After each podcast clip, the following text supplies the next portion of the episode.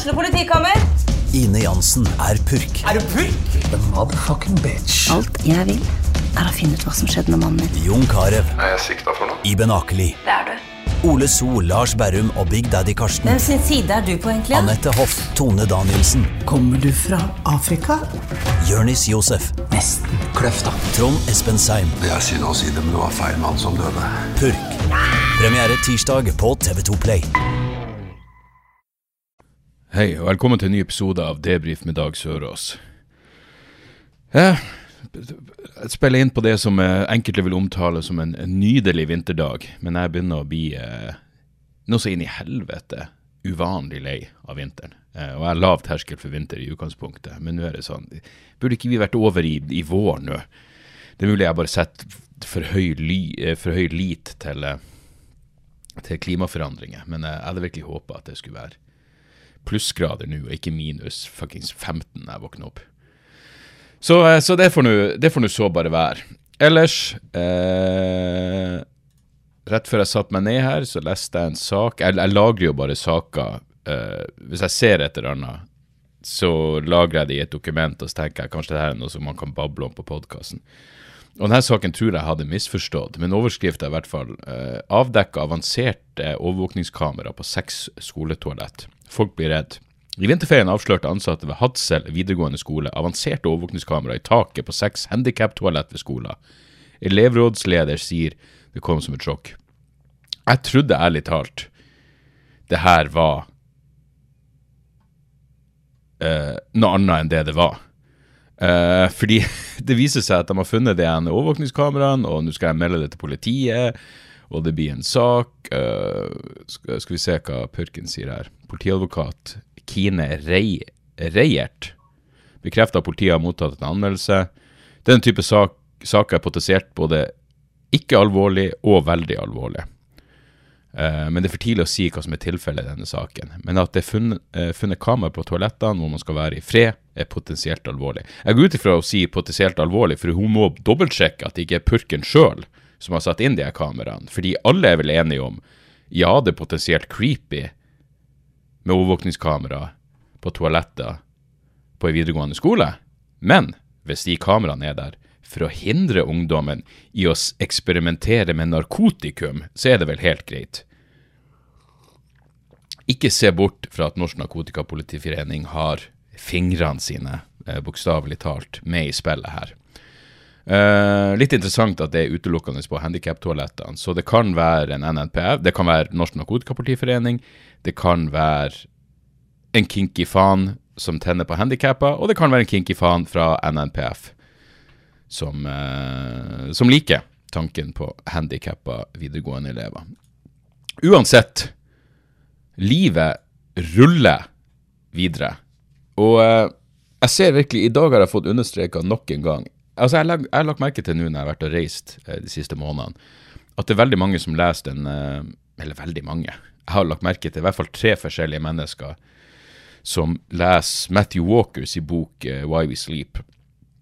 Og um, han var jo på Rogan eh, for noen år siden. Jeg går ut fra han fikk en push der, men på et eller annet vis må den boka ha, ha, ha fått en ny eh, Fordi den kom vel ut, jeg tror jeg kjøpte den i 2020, kanskje, eller noe sånt. Eh, jeg husker, Det er mulig jeg nevnte det her før, men jeg husker at da den boka kom, der, for der prater Matthew Walker uh, Han er søvnforsker. Uh, han har også en podkast om, om søvn. Men jeg mener bestemt at han i den boka prater om at man ikke kan ta igjen søvn. Altså ideen om at man La oss si du sov lite, jeg vet da faen, mandag til torsdag, og så tar du det igjen i helga med å sove mer. Han påstår at det er en illusjon, at det ikke går an. Og jeg husker akkurat mens akkurat idet jeg hadde fått den boka, så var det en, eh, en, en eller annen forskningsartikkel som sa det, det motsatte, nemlig at man kan ta igjen søvn. Og sånn, in, sånn intuitivt så føles det jo som det er noe man gjør.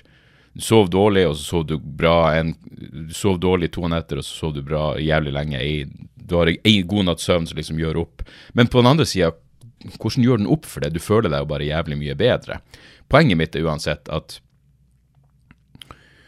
Og jeg lurer på om det her er noe som kommer jo eldre man blir. Altså, fordi jeg sov dårlig Jeg spiller inn det her nå på torsdags formiddag, som betyr at de på Patrion, patrion.com slash dagsoras, får en reklamefri eh, versjon av eh, podkasten et døgn før eh, resten av dere.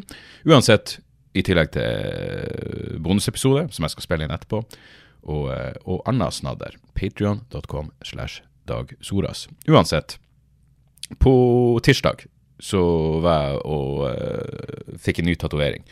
Og um, og det var ganske ja, relativt lang session. Jeg, jeg satt vel ja, med små pauser uh, i syv timer. Um, og det er jo greit nok. Og så kom jeg hjem da på kvelden, og uh, jeg vet da faen, jeg sov dårlig. Jeg drakk ikke noe, jeg, jeg drakk kanskje et par glass vin. Og så sov jeg dårlig, og i hele onsdagen så var jeg bare sånn Jeg, jeg vet da faen. Jeg, jeg, jeg er uh, dårlig på lite søvn. Men det jeg merka det best på, er min liksom vanlige, min baseline nysgjerrighet for ting forsvant bare totalt. Jeg hadde ikke lyst til å lese. Jeg leste Jeg kom meg gjennom Klassekampen og Aftenposten, men og så leste jeg litt i boka jeg på med, men, men, i det store og det hele så er det sånn eh, Jeg er bare ikke noe Jeg er ikke nysgjerrig. Og så i, i, natt sov jeg godt. Jeg vet da faen hvordan eh, hvordan uh, søvnpoengsum jeg fikk på på Garmin-klokka. Den har jo den der evinnelige 0 til 100. Jeg vil tro den var Den må ha vært bra i natt. Um, skal vi se her Fuckings 94, faktisk. 94 av 100. Utmerket søvn. Søvnen din hadde en god balanse mellom de lette og dype stadiene og eh, rem-stadiet. Du hadde litt tid til å hvile deg sent på dagen, noe som bidro til bedre søvnkvalitet. Utmerket på det meste. Alt, alt er utmerket utenom stress. Der er jeg bare bra. Men uansett, jeg våkna opp og merker ganske umiddelbart. Bare straks jeg får i meg den første kaffen eh, Jeg begynte å gå for Nå når jeg har den fancy kaffemaskinen, så går jeg for en øh, Karibi. Dobbel espresso ganger hva uh, Størrelsesmengde mye. Så dobbel espresso ganger mye, så det fylles opp en kaffekopp med espresso. Og det, det, det er akkurat det jeg trenger på morgenen. Og jeg merka bare umiddelbart at liksom det jeg leste. Plutselig så beit jeg meg merke i ting, og jeg leste noen artikler, og så fant jeg ut hvilke bøker som var referert til, og bla. Og poenget mitt er bare at ja, jeg, jeg fikk en sånn ja, hodet mitt fungerte sånn som det skulle, som også fikk meg til å tenke jeg tror den søvnapneen min ble kurert akkurat i tide. For uh, min gode venn Kevin Kildahl er jo uh, Jeg lurer på om han er tre, jeg tror han er tolv år yngre enn meg. Så tre, Tro det eller ei, men han, jeg tror han er 33. Og han har jo nå fått uh, CPAP-maskin uh, for å hjelpe til med søvnapneen. Og det er jo rundt samme tida, tror jeg. Kanskje jeg var litt seinere ute.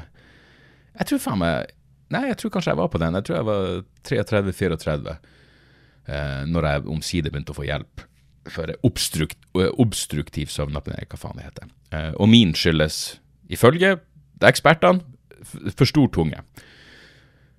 Men jeg, jeg fungerte jo på den tida.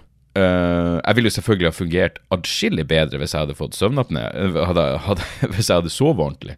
Men, men, hadde jeg slitt med det der nå, jeg tror faen meg jeg hadde gått inn i en seriøs depresjon. For jeg merker at bare psyken min blir så jævlig mye mørkere.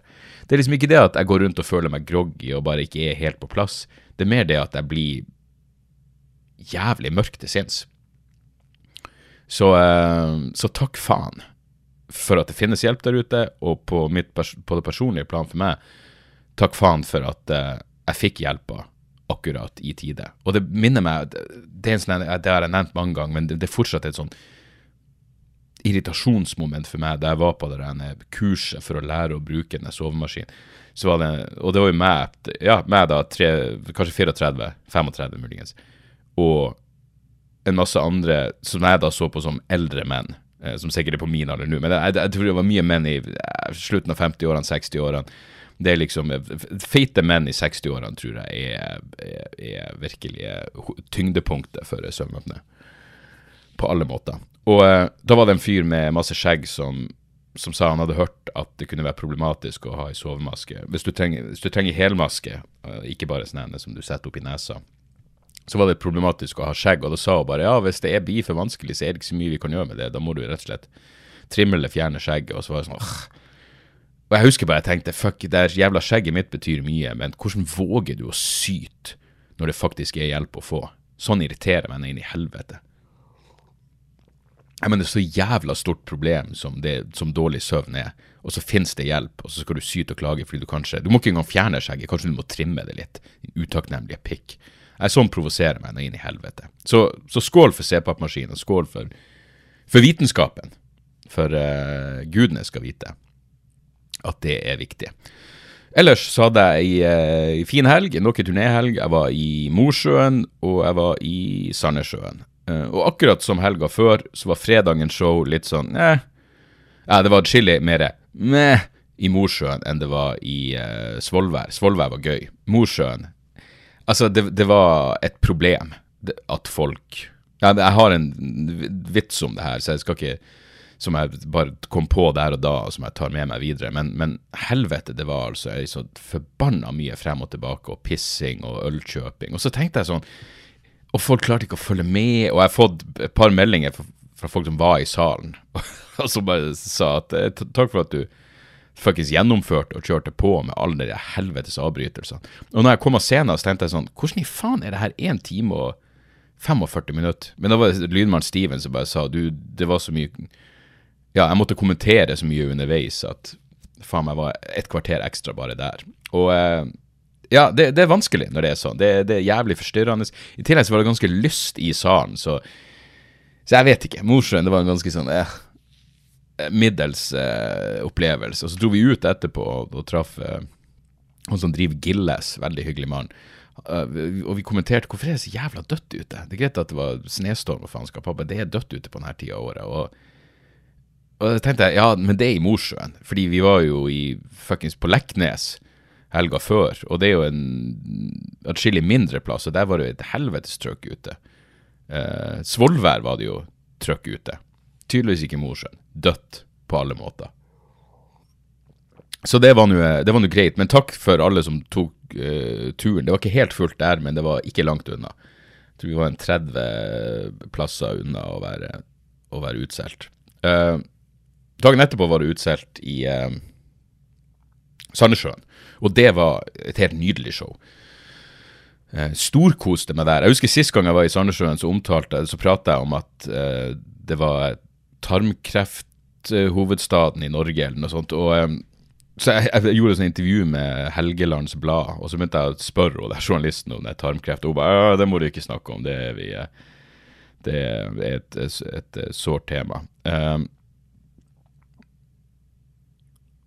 Skal vi se Sorry, jeg bare fikk en mail. Um, Sandnessjøen. Ja, ja, og så, så Jeg husker ikke nøyaktig hva jeg sa om det tarmkreftgreiene, men så får jeg en mail etter showet av en taxisjåfør som tydeligvis hadde Han har ikke vært på show, men han skrev bare Skal vi se du var i Sandnessjøen for et par år tilbake. Under dette showet ble det tatt opp noe med en sjåfør i taxien som ble kidnappa. To år senere og rett etter neste show i Sandnessjøen kjørte jeg et par hjem fra arrangementet ditt, og fant ut at jeg var et tema på forrige show. Skulle bare høre om det ble gjort noe filmopptak fra dette. Det hadde vært sjukt morsomt å, å, høre.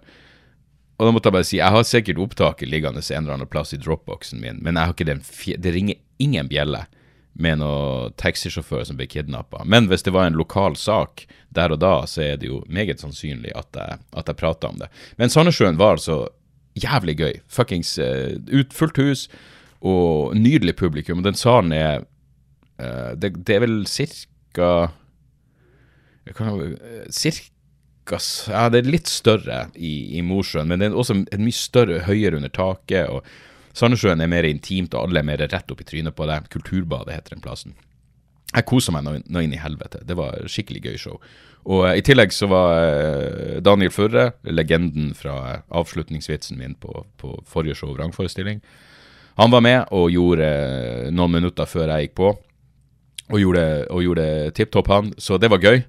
Og han er også med meg nå i, i morgen eller i dag, for de av dere som måtte høre det her. Eh, for de av dere vanlige dødelige, så hører, så hører episoden på fredag.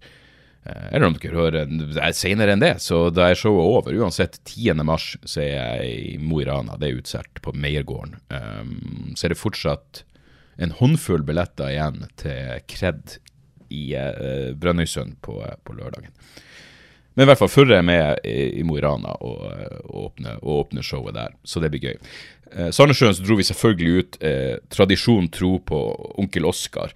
Og det er liksom noen plasser man reiser, så er det sånn Ja, det er én ting som bare er en selvfølge. For ofte eh, det, var, det, var, noen som spurte meg på Onkel Oskar der, for det er en pub, eh, pub i Sandnessjøen. Går du ut sånn her etter, eh, etter hvert show? Og da må jeg bare si nei, det gjør jeg ikke. Fordi altså, jeg, jeg, jeg, og Steven tar jo noen drinker etter hvert show, men uh, det er sjelden vi liksom går ut og vet at vi treffer noen som uh, var på showet. Men på Onkel Oskar så har det blitt uh, helt, fra, helt fra den gangen jeg og Hans Magne Skar var der og traff Daniel Furre for første gang, Uh, så har det blitt sånn. Det er stamplassen vår etter showet. Og eh, tradisjon tro, så var det jævlig gøy denne gangen også. Jeg traff Det kom ei veldig hyggelig dame bort og hilsa på, på meg og Steven og Daniel. Og så viste det seg at hun hadde reist i 17 timer, for hun hadde flyskrekk, men hun kom opp fra Lørenskog. Og hun kjente, hadde ei venninne i Sandnessjøen, så hun reiste opp 17 timer, og så så hun showet, og så skulle hun dra 17 timer tilbake dagen etterpå. Jeg bare Jesus, for en innsats. Men vi endte opp med å sitte og prate med henne. og hun endte opp på fanget til lydmannen Steven. Øy, faen ikke dårlig. Så uh, kjempehyggelig. Uh, og alle vi traff der, var uh, supertrivelige. jeg traff én pikk, men han var ikke noen Han var bare i køa når jeg sto og skulle kjøpe meg en drink. Så var det en sånn kuk som Han sa et eller annet. og jeg bare tenkte sånn, se, sånne her mennesker finnes, men de er bestandig døddrukken, og bitterheten skinner gjennom. Jeg husker ikke engang hva han sa, men jeg husker at jeg, jeg, hva enn han sa, sa bare jeg tilbake, og så var hele den samtalen over. Og det er jo sjelden et godt tegn. Og det var ikke hei han sa. Uh, men uh, jævlig hyggelig. Folk i Sandnessjøen har faen meg spanderbuksen på. Uh, jeg tror jeg kjøpte et par-tre drinker av de tolv jeg drakk. Men jeg ble altså For Sandnessjøen nei, Mosjøen var Der var jeg i seng til Jeg tror jeg var i seng til tolv. Uh, Steven holdt det gående til klokka fire, uh, men jeg tok tidlig kveld. Uh, Sandnessjøen så var jeg, opp, jeg var ute til det stengte, og det er veldig sjelden. Men det betyr at jeg hadde det gøy. Men jeg ble altså ikke jeg, jeg, jeg, var vel kanskje brisen, men jeg følte meg faen meg at jeg, kunne, jeg var nesten i kjørbar form hele kvelden. Det til, til tross for alt vi brøt i oss. Jeg vet ikke hvorfor. Av noen kvelder er det bare sånn at jeg blir ikke full. Eh, og jeg husker absolutt alt som skjedde den kvelden. Det er ingen sorte hull. Og uh, når de stengte, så var det det var nachspiel-invitasjoner, men fordi jeg var såpass edru, så, uh, så sa jeg bare nei, fuck, nå skal jeg tilbake på hotellet klokka halv fire. Steven derimot, han kjørte Han dro videre på nachspiel. Han og Daniel havna på nachspiel og holdt det gående. Uh, de var i mer gira form enn jeg var i. så jeg bare dro og fikk i meg en kebab, den kjipeste kebaben i manns minne. Og det var så jævlig med folk. Det må ha vært 50 stykker inne på den kebabplassen. Og det var selvfølgelig rett før de stengte. Og de fleste av dem var ungdom. Altså det, på samme måte som det for en ungdom er vanskelig å se hvor mange år et voksent menneske er, så er det vanskelig for en voksen person å se I mitt hode var de alle 16, men de var sikkert 19-20, whatever. Så jeg tok bare hetta på meg, sto i køa. jeg tenkte det her er ikke min demografi uansett, men det var de, de, de, som går bort og prater til meg, var kjempehyggelige, men den kebaben Satan, den sugde. Selv deigen var ikke engang gjennomstekt. Det, det, var Nei. Jeg må bare høre. Jeg syns jeg hørte den. Ja, jeg prøver å Jeg har funnet ut med, med Morty Dog og uh, Rick Dog de er så helvetes på. Enhver bevegelse så, øh, øh, Jeg kan ikke røyse meg og hente en ny kopp kaffe uten at de skal være i giv fuckings akt. Så jeg har funnet ut Jeg bare lar musikk stå på eh, hele tida nede i stua. Eh, I hvert fall når jeg er alene hjemme. Så, så kan de bare For da, da, er de mer chill. Da reagerer de ikke på, på små lyder. Så jeg, jeg, trodde det var der jeg hørte noe, noe syting nede. Men, eh, men i hvert fall. Og så må jeg bare si Ikke Altså sånne folk som sender melding med 'Å, oh, Ragnar blir 55 år, kan ikke du si hei, hilse han fra scenen?' Det er sånn Hvor respektløst er det egentlig ikke? Ville man gjort det til noen andre ja, med fare for å høres pretensiøse ut, utøvende kunstnere. Er det noe band som kommer hvor det er sånn Hei, Reinert blir 73. Kanskje det er det. Jeg vet da faen, kanskje onkel P og de fjerne slektninger får samme type forespørsler. Men hva er det her for noe? En 55 år gammel mann har bursdag. Hvem faen bryr seg? Hvem vil ha oppmerksomhet rundt 55-årsdagen sin? Så jeg fikk den, hun skrev til meg på Instagram, og jeg lot bare være å svare. Og så har de faen meg kontakta Steven. Og jeg ble irritert, så til slutt så Jeg bare sa til Jeg fikk Furre til å gjøre det, og så fikk han til å heve bursdagen fra 55 år til 75 år. Men det er noe jævlig narsissistisk over det her. Jeg vet Todd Barry har en fantastisk vits om det, hvor han er sånn Å ja, så det som skjer med alle i løpet av et år, skjer med deg akkurat i dag. Fantastisk. Det skal vi virkelig ta tak i. Det er noe nedlatende over det. Showet handler ikke om deg. Tro det eller ei, jeg har ting planlagt. Jeg jobber ganske hardt i et helt år med å skrive dette materialet, og du er ikke inkludert. Hvis jeg tar opp noe utenom uh, hva enn jeg har fuckings planlagt, så er det fordi det skjer noe i øyeblikket, eller fordi det er noe i lo lokalnyhetene. Og det at, uh, at Ragnarok har bursdag, er drepende irrelevant. For alle. Inkludert Ragnarok sjøl, vil jeg tro. Så slutt med det der. Uh, så må jeg også ta tak i en annen mail jeg fikk, som handla om uh, pissing. For det her var jo problemet i Mosjøen. Og det, det er forbløffende for meg hvor jævla ræva blære mange av dere har. Jobb nå litt med saken. Uh, vi se det var, Jeg må finne hvilken mail han sendte til. Se, det eneste problemet med å bruke de VPN-ene, at det er så jævla mye ekstra sikkerhetsgreier du må krysse av for å komme deg inn de forskjellige plassene. Vi ser pausefritt show. Er det noen som skriver eh, Og ja. Jeg var på premiereshowet til Tromsø, så denne meldinga skulle vært sendt for en uke siden. Ja, jeg skulle sikkert ha svart for lenge siden. Men jeg er fortsatt lettere traumatisert og sjokkert over den ikke-eksisterende pauseordninga på showet. Kortest mulig forklart, jeg har vel vært på alle showene dine i Tromsø de siste ti årene, og jeg har aldri vært øltørs på noen av dem, det vil si ingen utenom det siste. I 1,5 hysteriske timer Uh, med bra humor, god stemning og et godt poeng du gjorde ut av den tinnitusfremkallende latteren til en i publikum. Kom takk for meg, tjo ohoi. Jeg har aldri vært mindre Å oh, ja, ok, så jeg har misforstått den her. jeg har aldri vært mindre Når showet var ferdig, jeg har aldri vært mindre pissatrengt, mer uttørka og klar for å identifisere meg som en soltørka ørkenblomst. Som den øltørste nordlendingen jeg er, hadde du ikke trodd du skulle kjøre et helt show uten mulighet for å få hydrert seg med noen promillepoeng. Jeg er skuffa og føler meg litt lurt, som fikk trøkka økonomiske tvangssparing ned i vranghalsen. Alt jeg ville var å flire, fylle på, flire litt mer og gå hjem. Jeg ønsker å avslutte denne bagatellkritikken med å si satan, du har blitt profe... Ja. Så, nydelig show, takk. Uh, jeg misforstår den her. Jeg, jeg, trodde du klaga på at det ikke var pause. Uh, så jeg ville ta deg på poenget at hvis du har vært på alle showene mine, så har det aldri vært pause.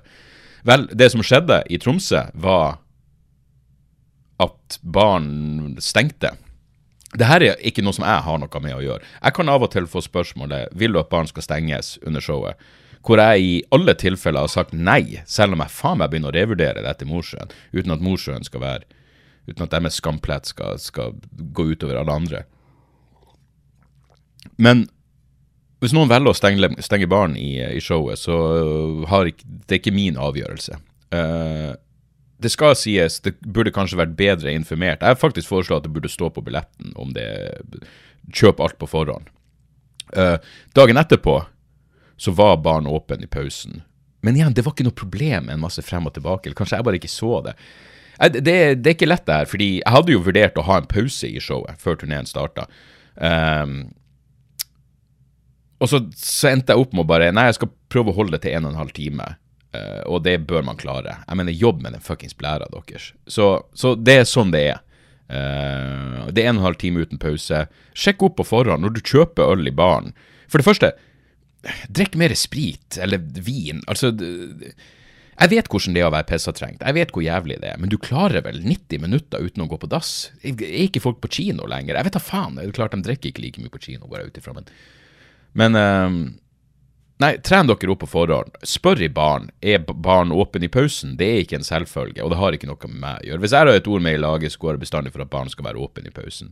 Uh, og så får folk bare være distré. Men altså, når det blir en sånn helvetes exodus frem og tilbake, selv om exodus er vel utvandring, det er evinnelige ut- og innvandring, så, så er det jævlig forstyrrende for folk. Så, så gå i dere sjøl. Jeg vil ikke at dere skal sitte der og, og, og risikere at, at, det slår sprekk eh, i blæra deres.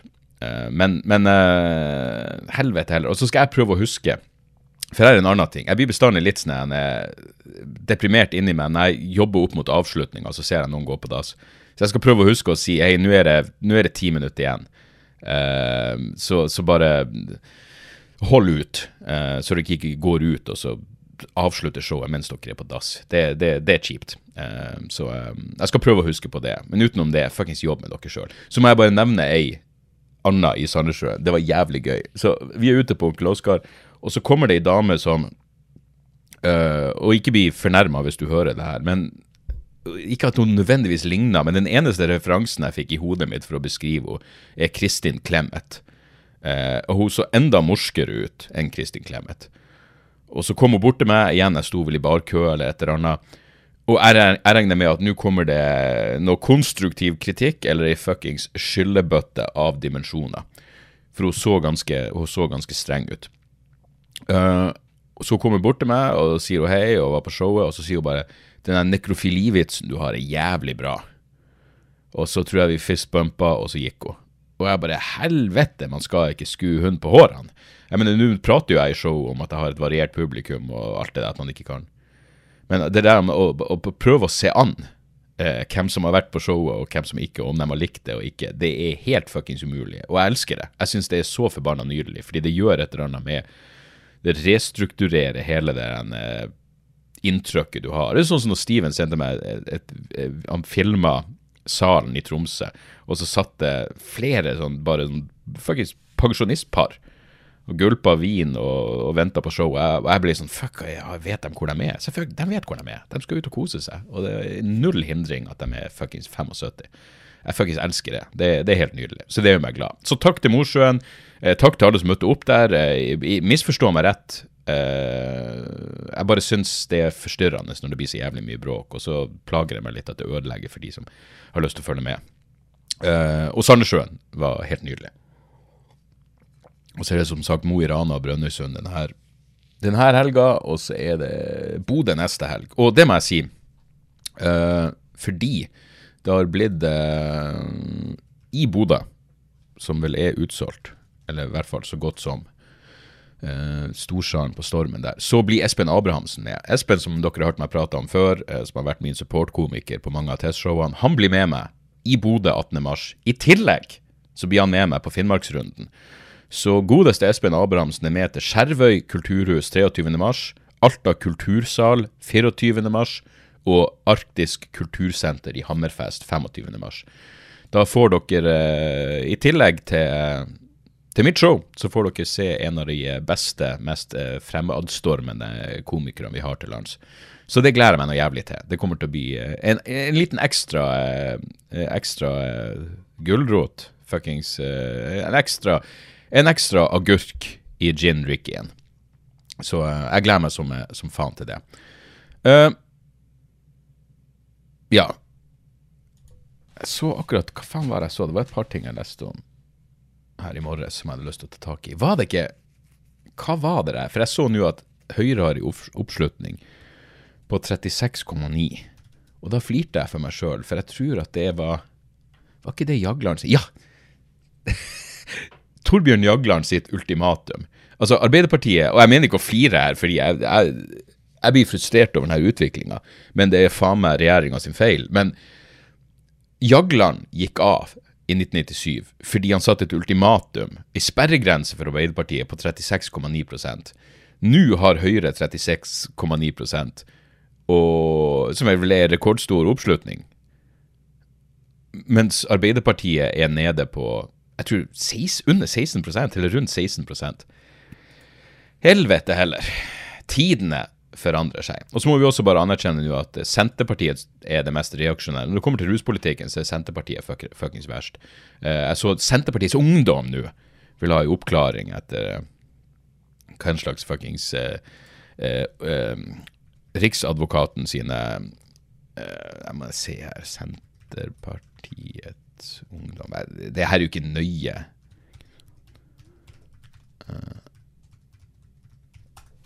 Skal vi se her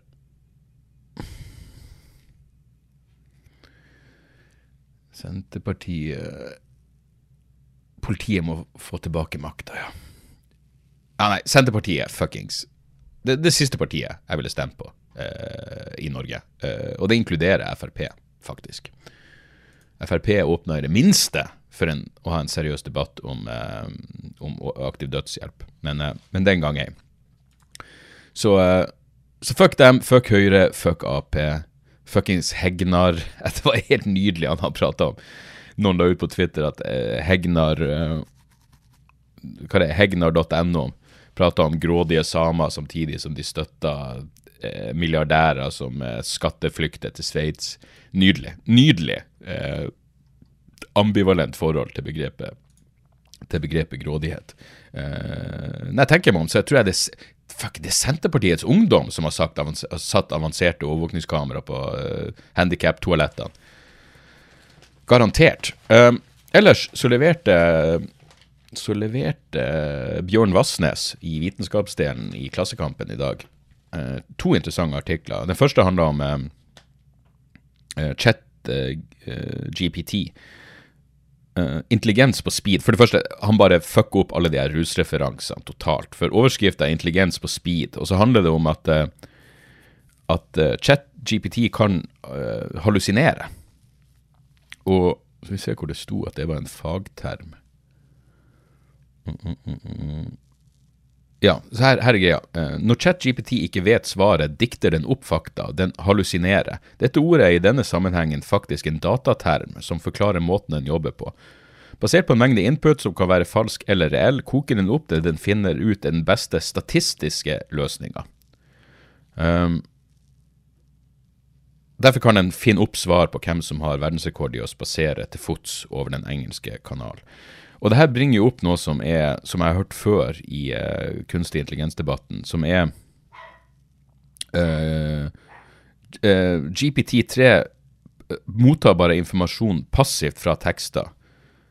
Mens det å aktivt interagere med verden vil være avgjørende for den fulle kompleksiteten til menneskelig kognisjon som er jævlig interessant. Så fremst ikke kunstig intelligens kan, kan interagere med, med, den virkelige verden, så vil den eh, alltid ha eh, Så vil den kanskje ligne på menneskelig intelligens, men aldri kunne være i nærheten av, eh, av det samme. Um, så det er jo det der med ChatGPT at det, det bruker statistikk og ikke logikk eller resonnering. Den andre artikkelen handler om eh, metallkrigen, eh, som handler om ja, alle metallene. Ikke bare kobalt, men eh, diverse andre typer metall som trenges for å gjennomføre det grønne skiftet. Eh, og måten her, det fremstilles på her, så vil ikke det grønne skiftet være særlig grønt i det hele tatt. Og det her er noe Altså, det å ta ha kontroll på produksjonen av alle de her tingene man bl.a. trenger for uh, fuckings um, magneter er noe eh, kineserne har stålkontroll på. Uansett, poenget mitt var uh, Skal vi se Til og med i de amerikanske F-35-jagerflyene er det kinesiske magneter. Og man vet ikke om kineserne kan ha spyware i disse. Det fikk meg til å tenke på en dokumentar som, alt, uh, som jeg så i går. Den MH70 uh, Spy That Nei, The Spy, The Plane That Disappeared, tror jeg. Ja, det er, en, det er, en, ny dokumentar den kom på Netflix i går. Den heter MH370 The Plane That Disappeared. Og det her er jo det Malaysian Airlines-flyet som forsvant i 2014. Um, ehm, helt jævlig, selvfølgelig, og, men, men, sykt fascinerende. Så jeg har sett mange dokumentarer på sånn YouTube-dokumentarer om det her. Alt fra konspigreier til folk som virkelig prøver å, eh, å komme med rasjonelle sannsynlighetsberegninger for hva som har skjedd. Og denne, der, dokumentaren på Netflix er i tre deler. Litt sånn den er proft lagd og veldig interessant, fordi det er ei sykt interessant historie, men den åpner også opp for noen konspigreier som virkelig som virkelig ikke gir mening.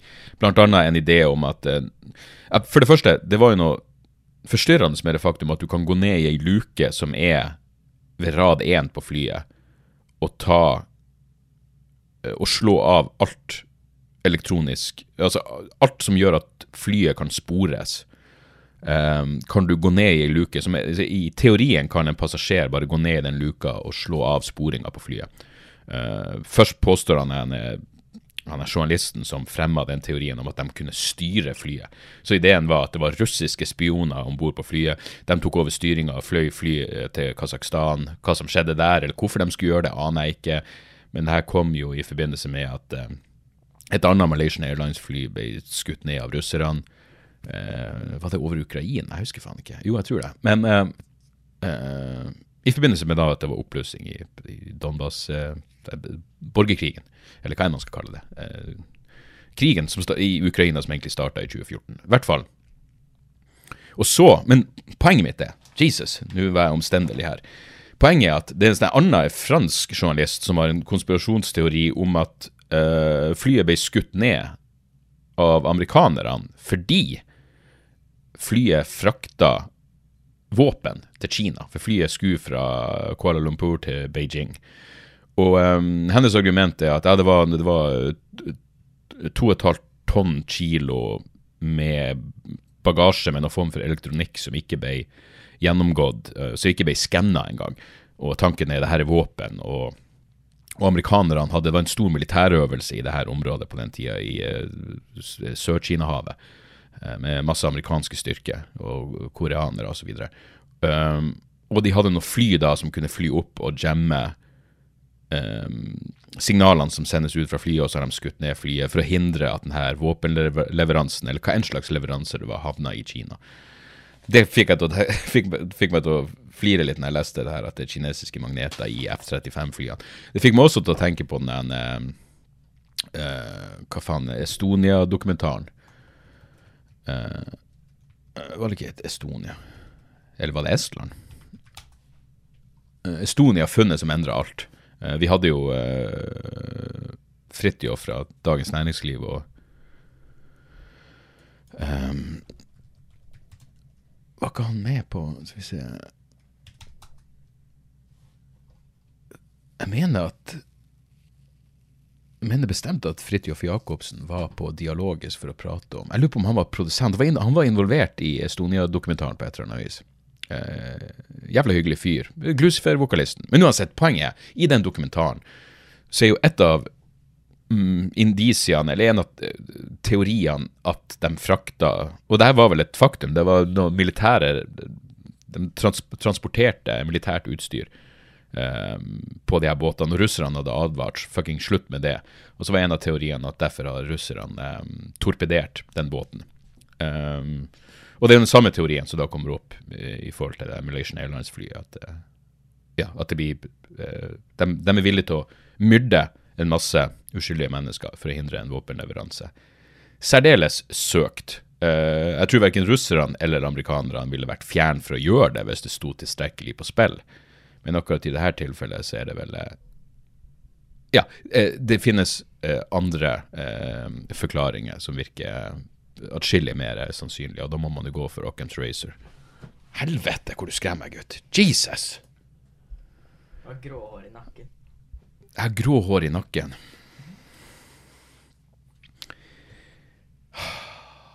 Av og til har du hørt begrepet 'ignorance is bliss'.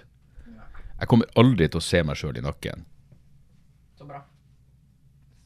Men nå kommer jeg til å dra frem speil. Nå kommer jeg til å begynne å ta bilder av min egen nakke for å se hvor grå jeg er. Alt vel?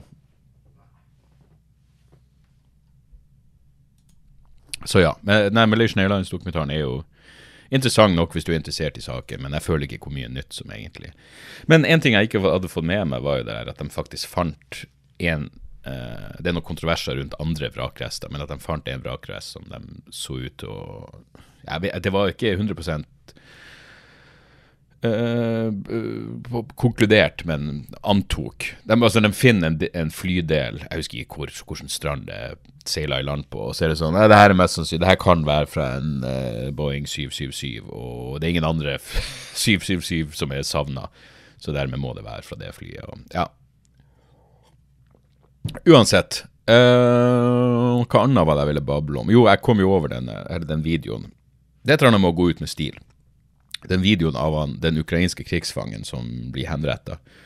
Eh, jeg måtte vel på Twitter for å finne hele videoen. Det er ganske jeg mener, Sosiale medier er ofte sånn ja, det er nå én ting, men helvete, Twitter er annerledes i og med at du kan poste de mest grafiske henrettelsesvideoer. Men akkurat han her, eh, krigsfangen, han går så jævlig ut med stil. Det er en ukrainsk krigsfange som bare står og røyker, og så prater de til han, de skjønner vel at de skal skyte han. Og det siste han eh, eh Det siste han sier, er vel eh, Er det ikke slav i Ukraina de sier? Eh, skal vi se Slav i Ukraina Ja. Um, glory to Ukraine, ja. It's a Ukrainian national salute. Det er det siste han sier, og så blir han skutt. Og da, Han går selvfølgelig ut med stil, han er hva det heter, defiant helt til end, men det er et eller annet med at han står og sigger samtidig. Jeg mener, Si hva du vil om røyk. Ja, det tar jeg vet da faen, det tok i hvert fall på et tidspunkt seks millioner liv i året og alt det der, men det ser kult ut når du står og sigger. For jeg går ut ifra at alle har våpen. Det er flere det, Altså, ja, jeg er ikke noen ekspert, men det ser ut som han blir skutt fra flere Altså, det er flere som skyter han samtidig, det er ikke bare én fyr. Uh, men det er et eller annet med en sigg i akkurat det øyeblikket. For det første, russiske soldater står og sikter på han. Han skjønner at han kommer til å bli henretta. Hvor nøye er det med lungekreft? Du, du, det, kols er ikke det du tenker på i den situasjonen, så han tenker fuck it. Men det er et eller annet med Det er så nydelig nonsjalant å stå og sigge idet du blir skutt. Så eh, skål for den fyren. Eh, skål. Eh, hvis jeg hadde en eh, på å si, ukas heltesegment, så ville det absolutt vært den der, den der karen. Uh, leste også at Ukraina bruker like mye ammunisjon på ei uke som Europa og USA klarer å produsere på én måned. Det er, da går det hardt for seg. Uh, virkelig.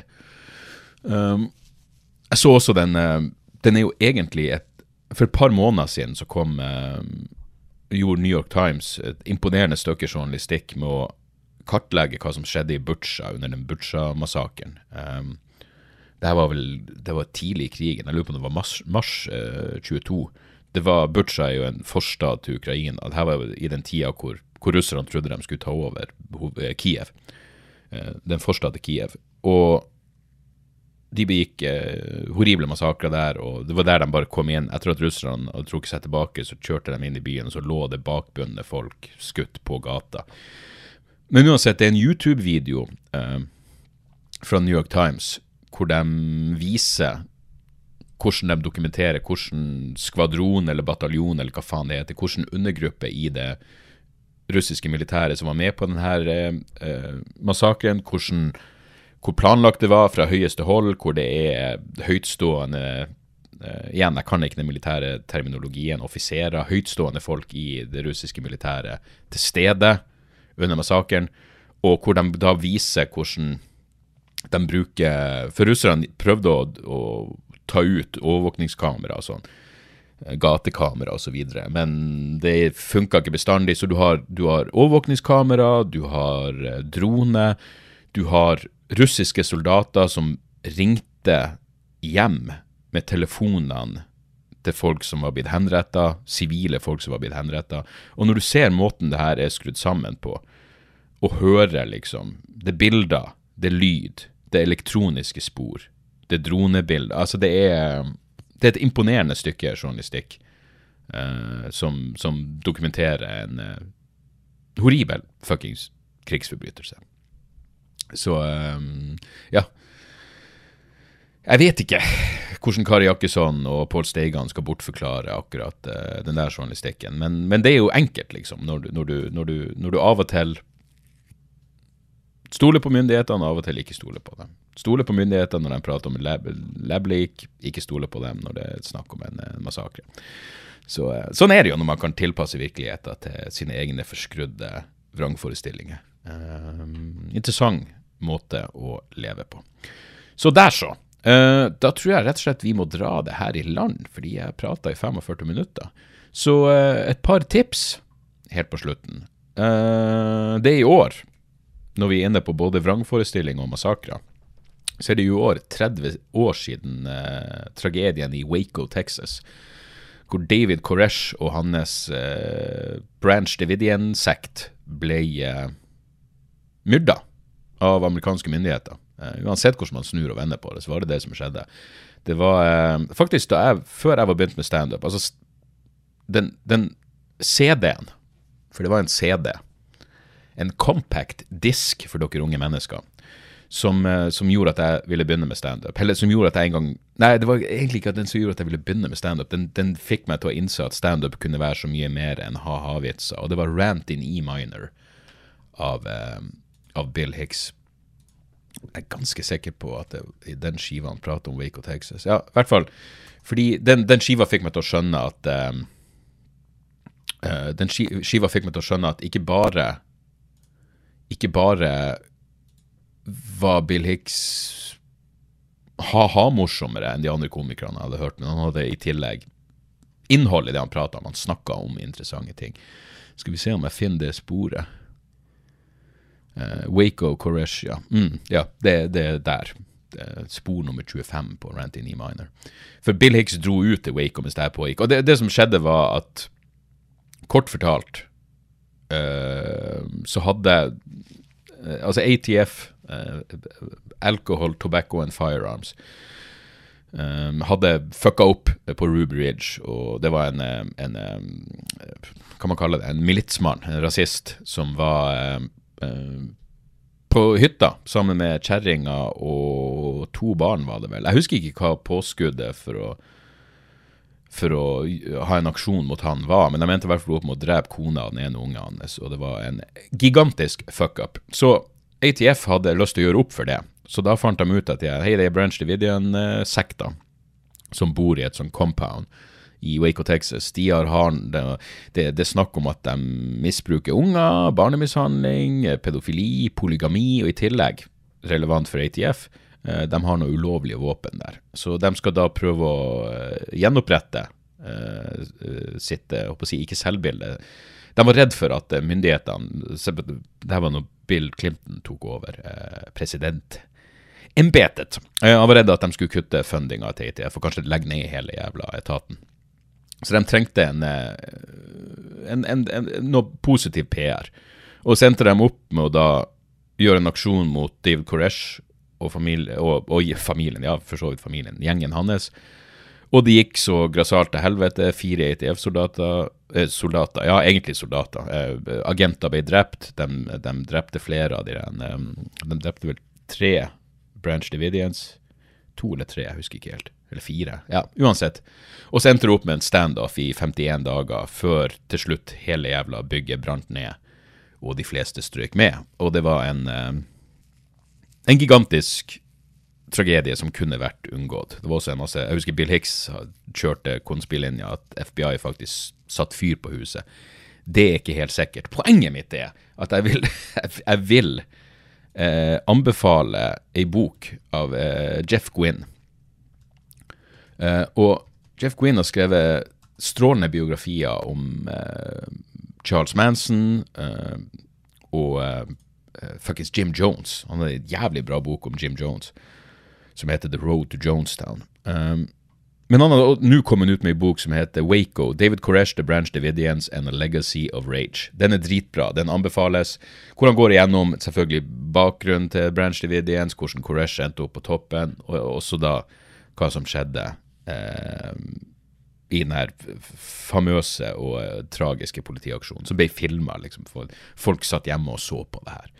Um, og, men fordi det er 30 år siden, så er det jævlig interessant at eh, det kom ut ei bok uka før eller uka etter som jeg holder på med nå. Så Jeff Gwynn-boka er ferdig med, den er dritbra, den anbefales.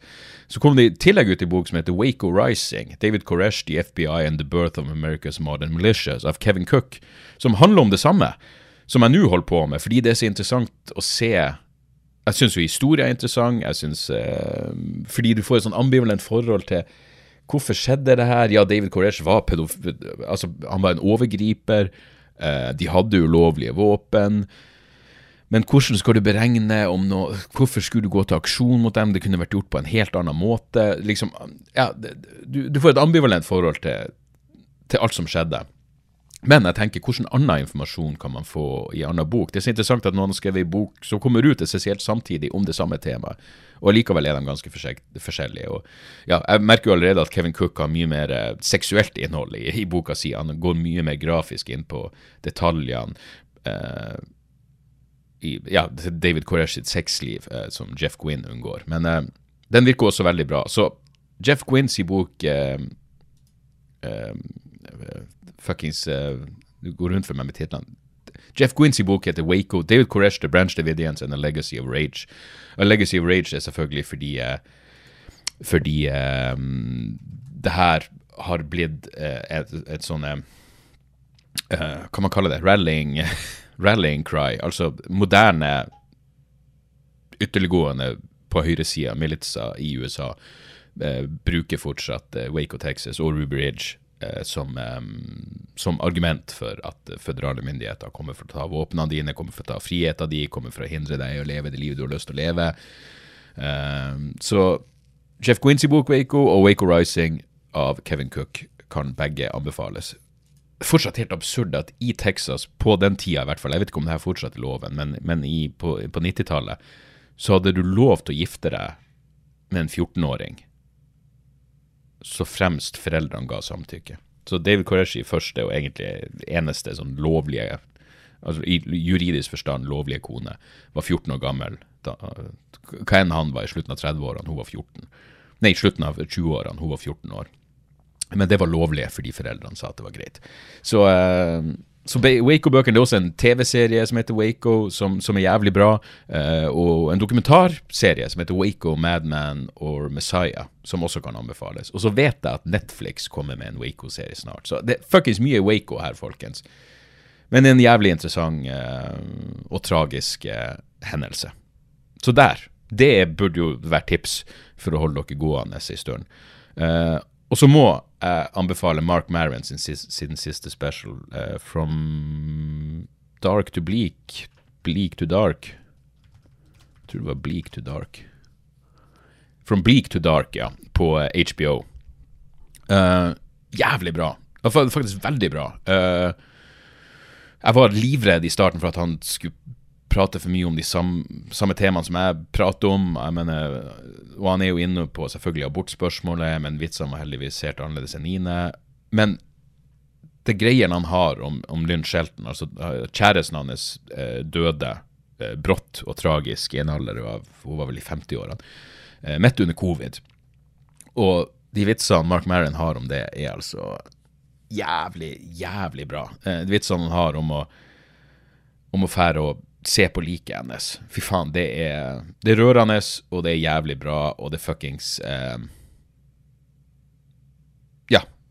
Livsbekreftende på et eller annet vis. Også det han har om den demente faren sin, er dritbra. Jeg, imponerende special. Jeg, jeg storkosa meg. Jeg så han på flyet hjem fra en eller annen jobb, og, og bare ble virkelig Det tørka en tåre, og da vet du at Jævlig sjelden Jeg kan egentlig ikke huske sist gang Jeg vet ikke om det har skjedd før, faktisk. at for jeg, jeg, jeg, kan jo tørke en tåre når jeg blir rørt. Jeg kan tørke en tåre hvis noe er skikkelig bra. Så det er mulig jeg, jeg har, jeg har væta et øye under stand et standup-show før. Men akkurat det materialet om kjæresten er øh, liksom Særlig når du da i tillegg sitter bakfull, bakfull på et fly eh, på en søndagsmorgen.